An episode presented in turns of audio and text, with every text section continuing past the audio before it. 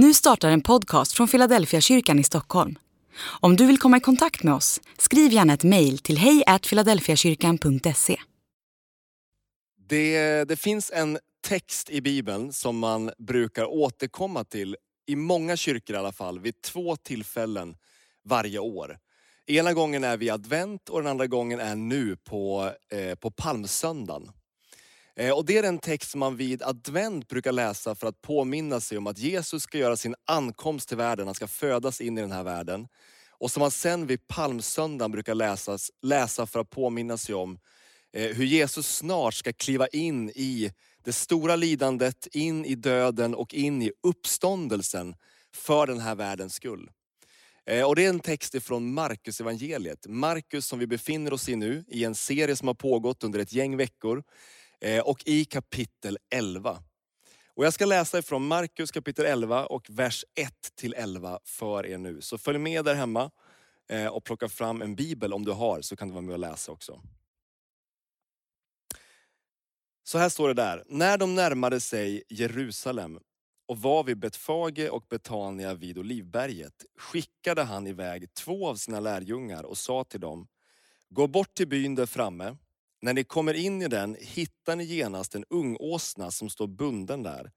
En som ännu ingen har suttit på. Ta den och led hit den. Om någon frågar er vad ni gör så svara, Herren behöver den och han ska strax skicka tillbaka den.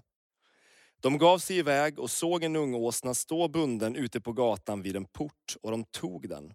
Några av dem som stod där frågade, vad gör ni? Tar ni åsnan? Lärjungarna svarade som Jesus hade sagt och då lät man dem gå. De ledde åsnan till Jesus, la sina mantlar på den och han satte sig upp på den. Och många bredde ut sina mantlar på vägen. Andra strödde ut löv som de tog, tog från träden runt om. Och de som gick före och de som följde efter ropade Hosianna. Välsignad är han som kommer i Herrens namn. Välsignat Välsignat vår fader Davids rike som nu kommer. Hosianna i höjden. Så kom han in i Jerusalem och gick till templet och när han hade sett på allt vände han tillbaka till Betania med de tolv eftersom det redan var sent.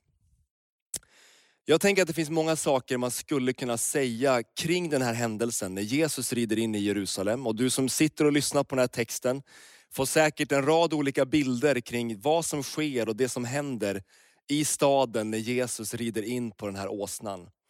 Eh, men jag skulle vilja få ta några minuter och egentligen bara tala utifrån det ord som folket ropar när Jesus rider in i staden. Vi kunde läsa alldeles nyss hur man ropade ordet Hosianna. Så här stod det i texten. Många bredde ut sina mantlar Eh, andra strödde ut löv som de tog från träden runt om. Och de som gick före och de som följde efter ropade, Hosianna, välsignade han som kommer i Herrens namn. Välsignat vår fader Davids rike som nu kommer. Hosianna i höjden. Alltså när Jesus rider in i Jerusalem så är det alltså folk som radar upp sig längs den här vägen. Man lägger ut sina mantlar, man lägger ut palmkvistar, man tar löv ifrån träden och lägger ut framför honom. Eh, och allt det där är ju en signal om att nu rider det in en kung i staden. Det var på det sättet man tog emot en kung som skulle komma på besök. Man la ut mantlar, man la ut palmkvistar, man firade och gjorde liksom en, en gata som kungen kunde ta sig fram på. Och när, man, när Jesus rider in på det här sättet och de ropar till honom som en kung, så ser ju folket framför sig att nu kommer en ny kung David.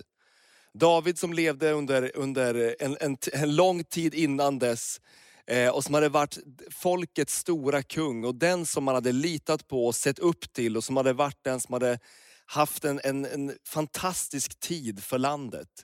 Nu tänkte man att nu kommer han igen, en ny variant av David kommer och ska upprätta sitt rike. Nu måste vi ta emot Jesus som den kung han är. Och så ropar man Hosianna. Och det där ordet Hosianna, det är ett hebreiskt ord som man skulle kunna översätta till egentligen två saker. Eller man skulle kunna säga att ordet handlar om två saker. Det är som två sidor av ett och samma mynt. Dels är det som en form av bön. Det är ungefär som att ropa ut, rädda oss, eller kom och hjälp oss. Men det är samtidigt som en form av hyllning eller en form av tillbedjan. Alltså ungefär som att säga, du är den som kan rädda oss. Du är den som kan komma med den hjälp som vi behöver. Så på något sätt så är det som att man ropar ut två saker samtidigt. En bön, ett rop från botten av hjärtat och samtidigt är det som en hyllning, en tillbedjan. Och utifrån det ordet, utifrån de två tankarna skulle jag, skulle jag vilja få säga ett par saker om bön. Och så vill jag säga någonting om varje människas behov av att sätta, no, sätta något eller någon i centrum av ens liv. Det är intressant att lägga märke till hur människor verkar närma sig Gud i bön på ett särskilt sätt när man lever under hård press eller när man hamnar i en svår kris. Det där kan gälla både för människor enskilt, men det kan också gälla för större sammanhang och länder. Jag har till exempel hört att när de där flygplanen flög in i Twin Towers 2001 i New York, så var det inom loppet av några veckor, veckor en del kyrkor som ökade sitt gudstjänstfirande med uppemot några tusen personer. Jag tror det var en kyrka som hette Redeemer Presbyterian Church. Som gick ifrån att vara en egentligen ganska liten kyrka till att nästan vara en megakyrka skulle man kunna säga. På en ganska kort tid när den här krisen drabbade New York. Och så verkar det vara för många av oss. När vi hamnar i en kris, när vi hamnar i en svår situation, då är det som att bönen väcks och vi ropar till Jesus, eller vi ropar till Gud, eller någon okänd Gud i alla fall, från botten av vårt hjärta. Det verkar komma naturligt för oss människor.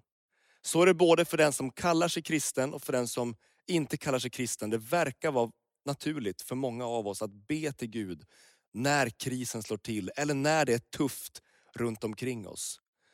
Och precis så var det också när Jesus red in i Jerusalem. Folket hade levt under svår press, under svårt tryck, under ockupationsmakter, under fattigdom, under ledare som inte brydde sig om folket. Och när Jesus kommer, den, den man hoppas ska bli en ny David, så är det som att allt det där bara briserar i ett, i ett stort rop. Rädda oss, hjälp oss, befria oss från fattigdom, befria oss från förtryck. Gör någonting. Kom till vår hjälp. Bönen bara briserar rakt emot Jesus. Och när man läser om Jesus i evangelierna så märker man ju att han är den som både ville och han är den som vill hjälpa människor som ropar från botten av sitt hjärta. Han väntar inte på att vi ska förstå precis vem han är och precis vad han har för plan med våra liv och precis hur han tänker sig att saker ska gå till. Han kommer till oss där vi är och utifrån den situation som är just nu. Men det intressanta med bön, det är att när vi ropar till Gud utifrån det vi ser, utifrån det vi uppfattar, utifrån det läge som vi befinner oss i just nu, så kommer han till oss. Men han verkar också alltid vilja göra någonting djupare i oss än vad vi kan förstå och greppa när vi ropar vår bön. När Jesus red in i Jerusalem så ropade folket efter en profet. Alltså man ville ha en person som skulle komma och tala upp emot orättfärdigheten, mot orättvisorna. Jag tänker mig att man egentligen ropade efter någon form av Martin Luther King-figur. Alltså någon som skulle komma och säga stopp, hit men inte längre. Och Jesus var ju absolut i någon mening en profetröst. Men han var en profetröst som skulle komma in till folket och snart faktiskt säga att ert tempel kommer att rasa. Men jag kommer att bli mötesplatsen mellan himmel och jord. Han var en annan typ av profet. Han skulle svara på deras böner men gå mycket djupare än vad de själv kunde tänka ut och tro.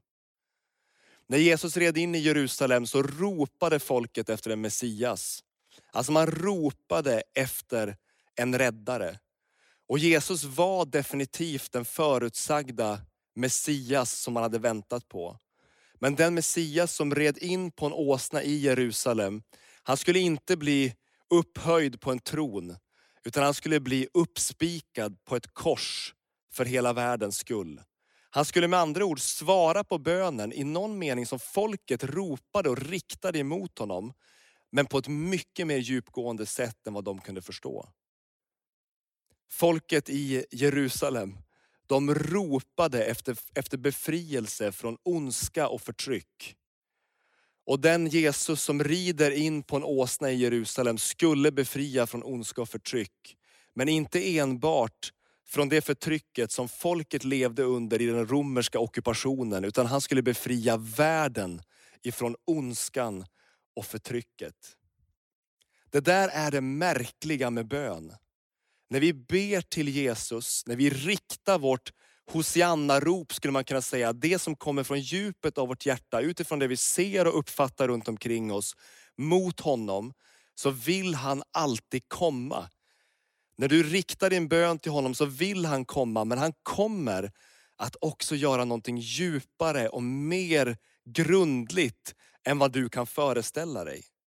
Och det tänker jag mig gäller både för oss som enskilda bedjare och det gäller för oss som kristna gemenskaper och kyrkor ut över vårt land.